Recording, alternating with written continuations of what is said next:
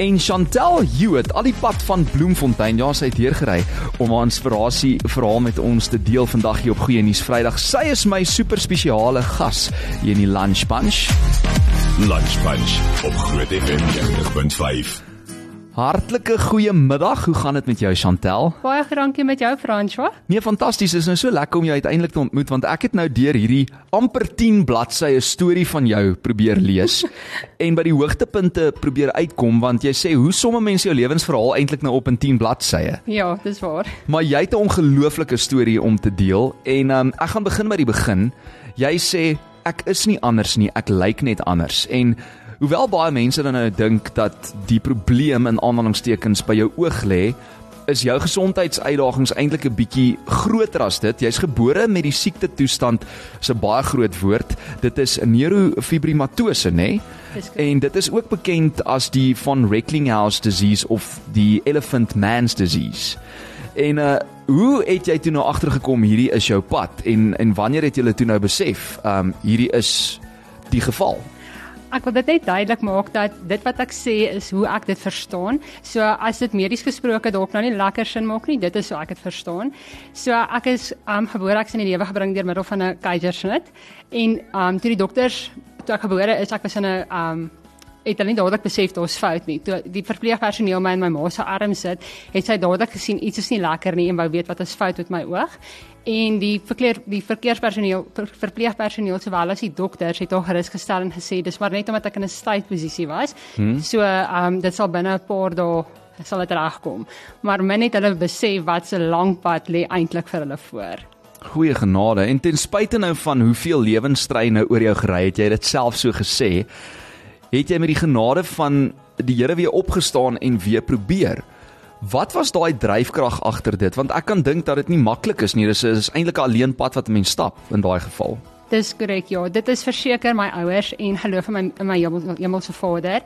En um ja, ons die neurochirurg wat die nuus aan my ma oorgedra het, het sy het al mors dood geskrik toe sy sê of toe hy vir haar sê um my brein is nie normaal gevorm nie en ons het gewas op my brein um gevind. Hmm. So hy het net vir haar bokstisjies oor die tafel gegooi en vir haar gesê, "Chunk klaar kom met jou praat." my ma vertel sy het so groot geskrik dat die trane was skoon weg gewees en sy het dadelik besluit sy hou nie van hom nie. Mm. So so 'n paar maande later was ek by dieselfde neuroloog gewees vir 'n opvolg en ek het dood per ongeluk hom in die gesig geskop en my ma het natuurlik uitgebars van die van die lag en gedink lekker kry vir jou. Oh, oh. En dit is waar dit begin het. Hy het hom net daar vasgevat en vir gesê luister, deur hierdie kind op te piep gaan hom nêrens in die lewe bring nie vat haar vas en gee vir haar pak slaas hy stout is. En ek weet ons ons land wat ook al verskil van dit en ek hoop nie ek gee 'n paar ouers idees nie, maar dit is verseker the way to to go. Maar met But, ander woorde alhoewel jou situasie en jou lewenspad daai tyd en ook nou nog steeds vandag, maar veral destyds so uniek was, het jou ouers jou nie opgepiep as gevolg van jou uniekheid of jou situasie nie. Ja, my pa het van van die begin af gesê het ek sê luister, jy kan dalk nie omstandighede verander nie en ja, jy lyk like anderster, maar jy kan jou houding teenoor die omstandighede kan jy verander. En dit is waar alles begin het, maar dit het verseker nie oornag begin nie en daaroor wil ek nie luisteraars ontmoedig nie, ek wil hulle juis bemoedig dat deur die pad te stap en net die lewe aan te vat, mens kom eventually daarby uit. Dit het my 18 jaar gevat. Hmm. So ek hoop regtig dat ek vir paar mense kan raad gee om nie so lank te vat nie want dit is eintlik net 'n keuse ver. Ek hou van hierdie motto waar volgens jy leef. Ek moet, ek wil, ek sal, ek kan en ek gaan want ek is 'n wenner. Maar ek dink nie dis altyd so maklik om dit uit te leef nie. Het jy gesukkel daarmee? Ek het verseker gesukkel daarmee.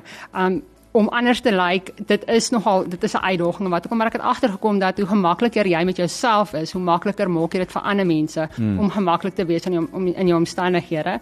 Mense kry natuurlik mense, verskillende mense. Jy kry mense wat dit goed sal benader en vir jou sal vra wat het gebeur en ek het gekies op 'n jong ouderdom om die humor in my omstandighede raak te sien. So afhangend van die omstandighede, dan sal ek sommer net sê dis 'n fabrieksfout. Tegnies is dit eintlik maar 'n fabrieksfout. Dit is nie hoor, dit is nie glad nie. Inteendeel. Ek het baie gehou van hierdie wat jy gesê het. Jy het gesê, weet, as jy nou hierdie vergelyking tref van uh wanneer Sunny nou uitfriek as iemand met dieselfde rok by 'n matriekafskeid of by 'n troue opdaag, is die antwoord eintlik baie eenvoudig. Ons wil uitstaan, ons wil uniek wees. En in jou geval is jy dalk nou 'n bietjie ekstra uniek as gevolg van jou omstandighede of um hierdie ding wat op jou pad gekom het, maar jy het dit so goed hanteer en is eintlik so 'n ongelooflike boodskap wat jy daar buite sit vir die res van die wêreld om te sê, hoorie, maar kan ons net ophou om na mekaar te kyk en in dieselfde boksie te probeer pas want ons is almal uniek vir 'n rede. Dis korrek, ja. Ons is gemaak om uit te staan en ek dink met 'n reg om te bestaan. Hmm. Want ons is uniek en ons kan elkeen elkeen het iets wat iets vir iemand anders kan beteken. Ek dink nie dit hoef noodwendig soos in my geval te wees nie. Ek dink elkeen kan vir iemand anders iets beteken. Maar sê gou vir my, die sleutel tot mislukking, sou jy sê dis om almal te probeer tevrede te stel? Dis korrek ja, want om almal te probeer tevrede stel, sodra jy die een groep tevrede het, is die volgende groep alweer ja. ontevrede. So oh, dit vertel is, jy vir my. dis fisies onmoontlik.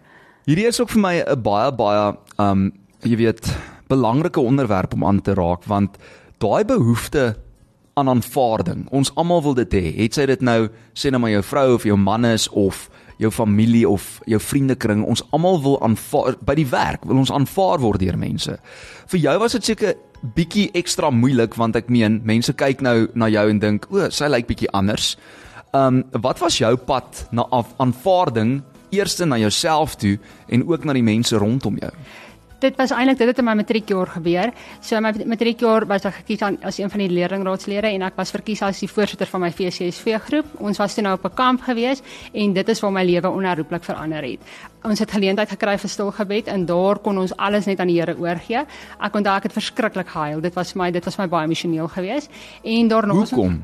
Dit was ag, dit was maar net 18 jaar van hoekom, waarom, hoekom ek al daai goeters. Want jy was nooit regtig 'n uitblinker op akademiese, kulturele of sportgebied nie, né? Ek was nooit gewees nie en ten spyte van my dans agtergrond, ek het op 3 jarige ouderdom begin met dans, was ek ook nie eers goed genoeg vir die revue groep nie. Hmm. En dit is hartseer om te sê, maar dit was as gevolg van my voorkoms gewees. Ag, sies so, vir hulle, hoor. En sê het jou getakseer op jou baadjie of my getakseer op my baadjie. Maar hierdie is ook nou nogal iets wat ons vinnig oor moet praat. Uh, jy het nooit 'n boyfriend op skool gehad nie en ek meen vir 'n jong meisie wat nog sukkel om ook haar voorkoms te aanvaar, uh, het dit ook seker nie dinge juis makliker gemaak vir jou nie. Nee, dit was glad nie makliker gewees nie want dit is nou maar daai dat jy saam met die skare wil hardloop. So my vriendin het 'n kerel, so hoekom kan ek nie 'n kerel hê nie? Dit is oor van so dit is maar om deur mense aanvaar te word en dit is eintlik die grootste fout wat mens kan maak. Ja, dis lekker, maar ek dink die belangrikste is aanvaarding deur jou hemelse Vader. En dis baie waar. Dit is die waarheid. En het jy intussen toe nou 'n kerel gekry? Is jy getroud of nog nie? Ek is nie getroud nie, maar ek is getroud met my werk. Ek leef vir my dans.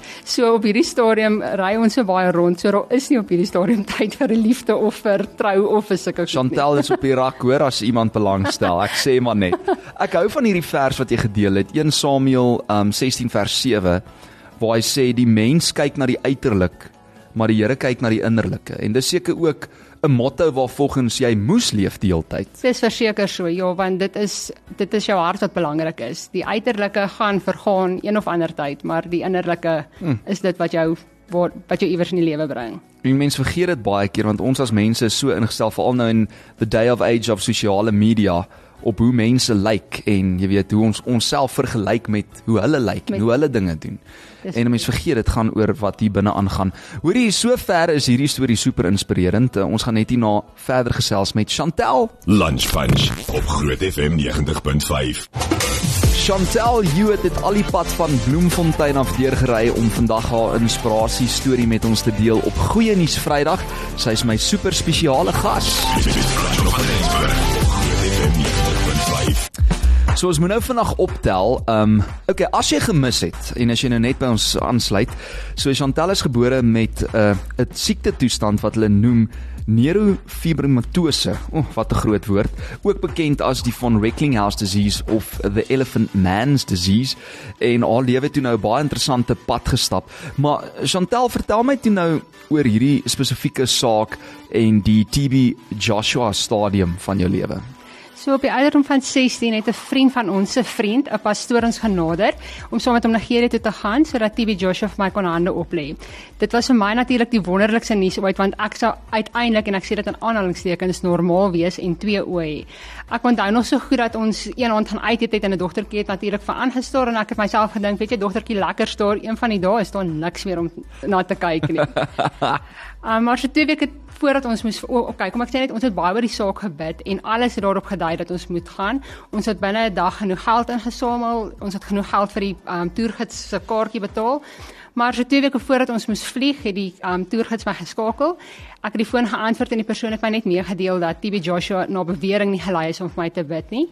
Um ek was verpletter in al my drome van ek sê weer eens in in aanhalingstekens van normaal wees was op daardie stadium teen die grond.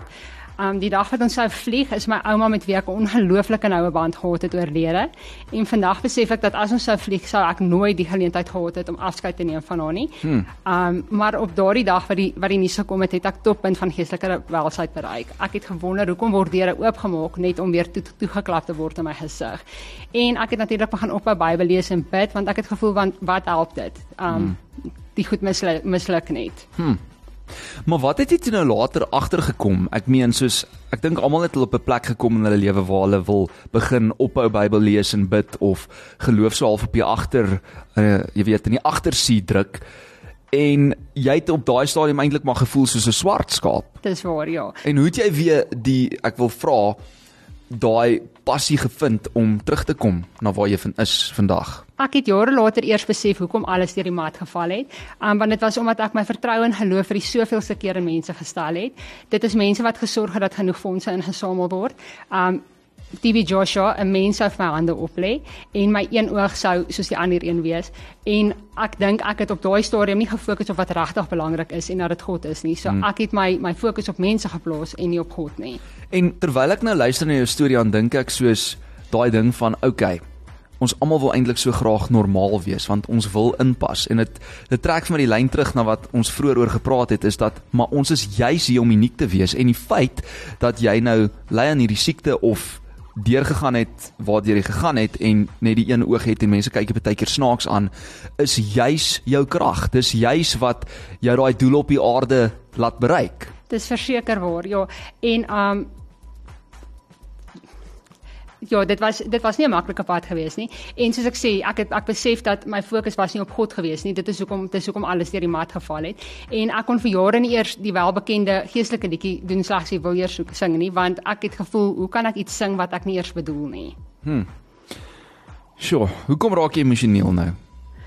Dit ek besef net dat dit was 'n lang pad gewees en dit was maar 'n moeilike pad gewees en um sonder ondersteuningsnetwerk van vriende en van my ouers en van my hemelse Vader sou dit net dit sou nooit moontlik gewees het nie.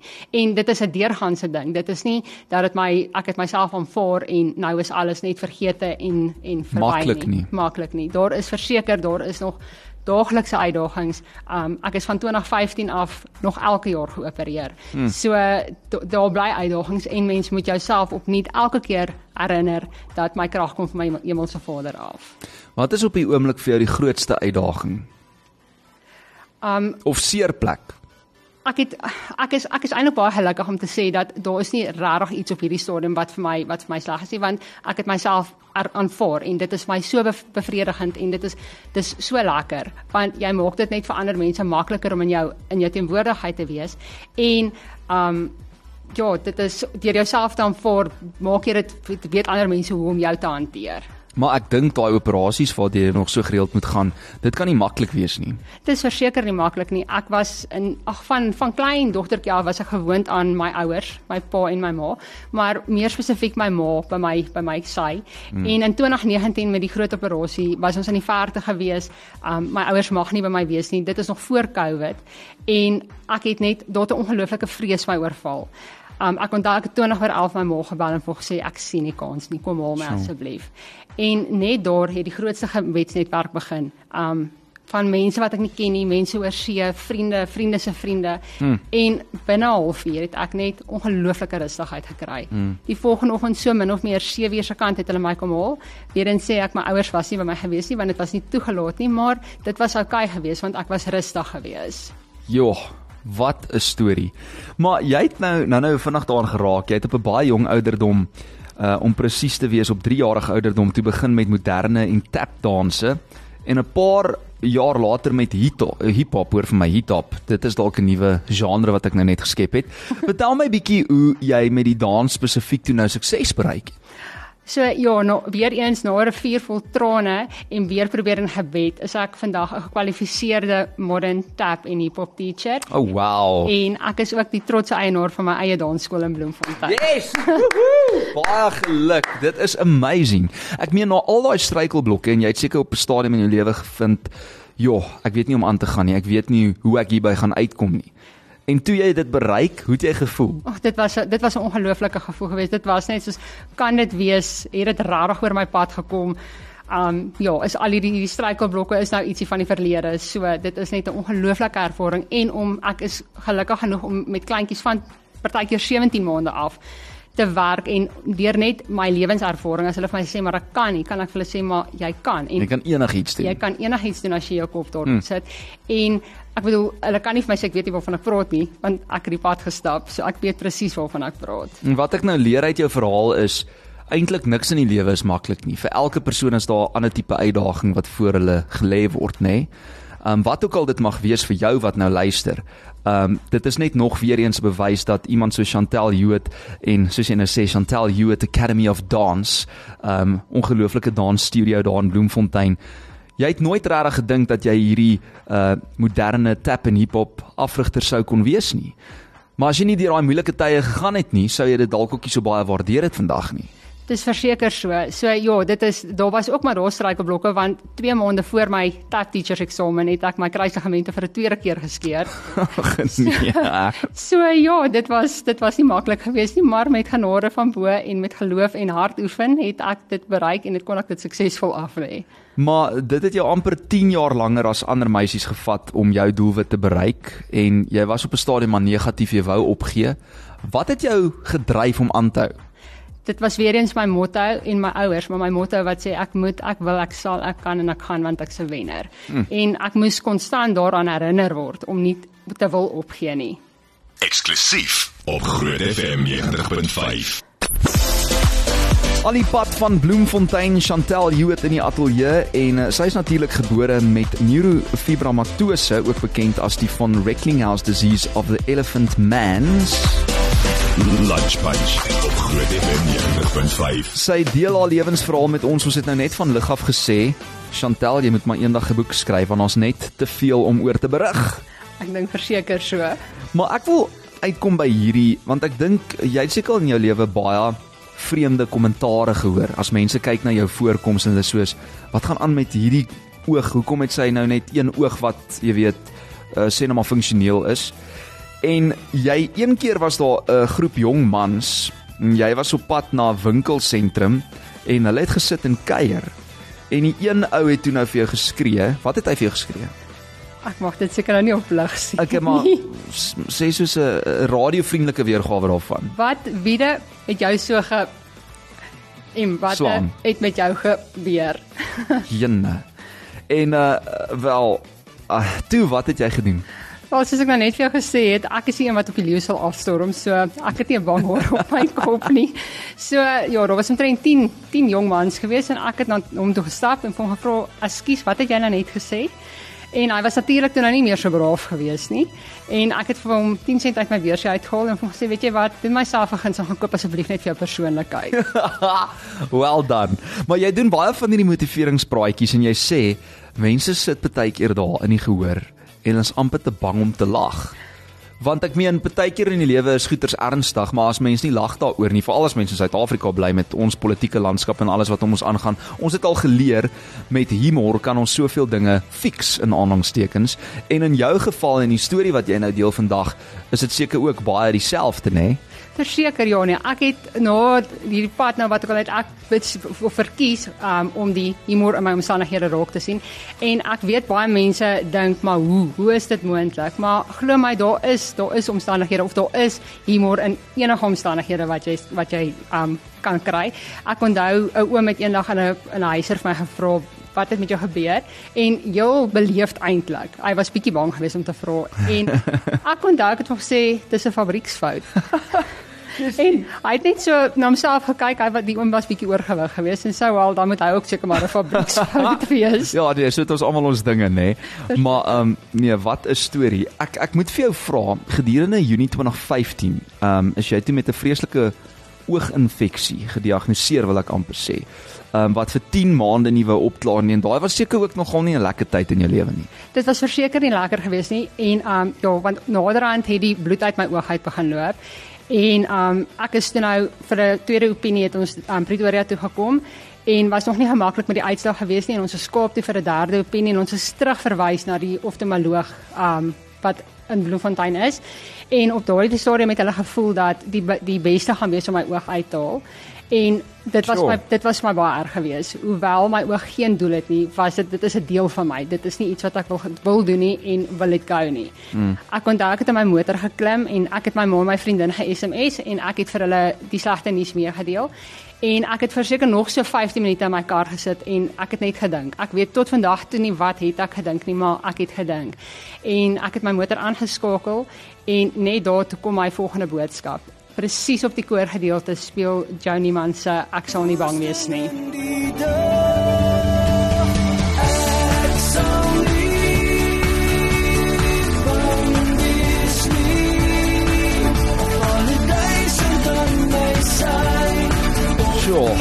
Hoor jy maak ons traanerig nou op 'n Vrydag. Ek gaan nou 'n traantjie pik.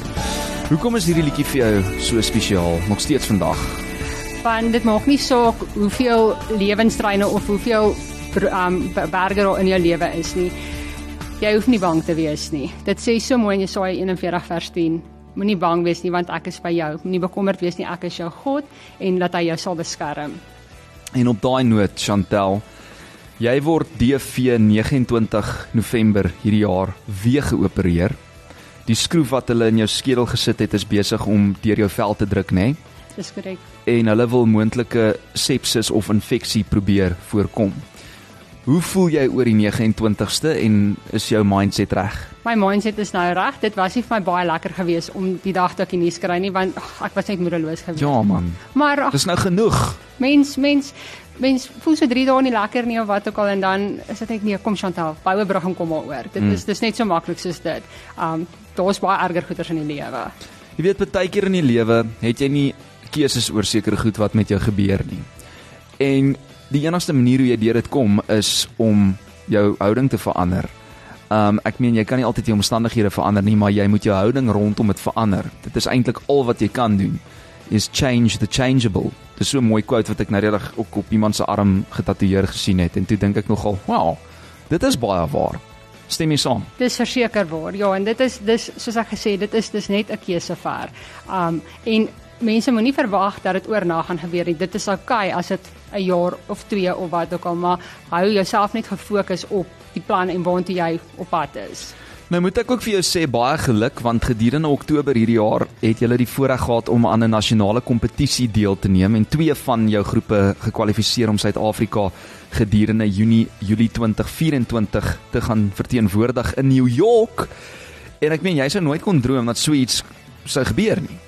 Verseker ja, want dit was nooit my my groot fokus om Springbok dansers te te deliver as mens dit so kan sê nie. Ja.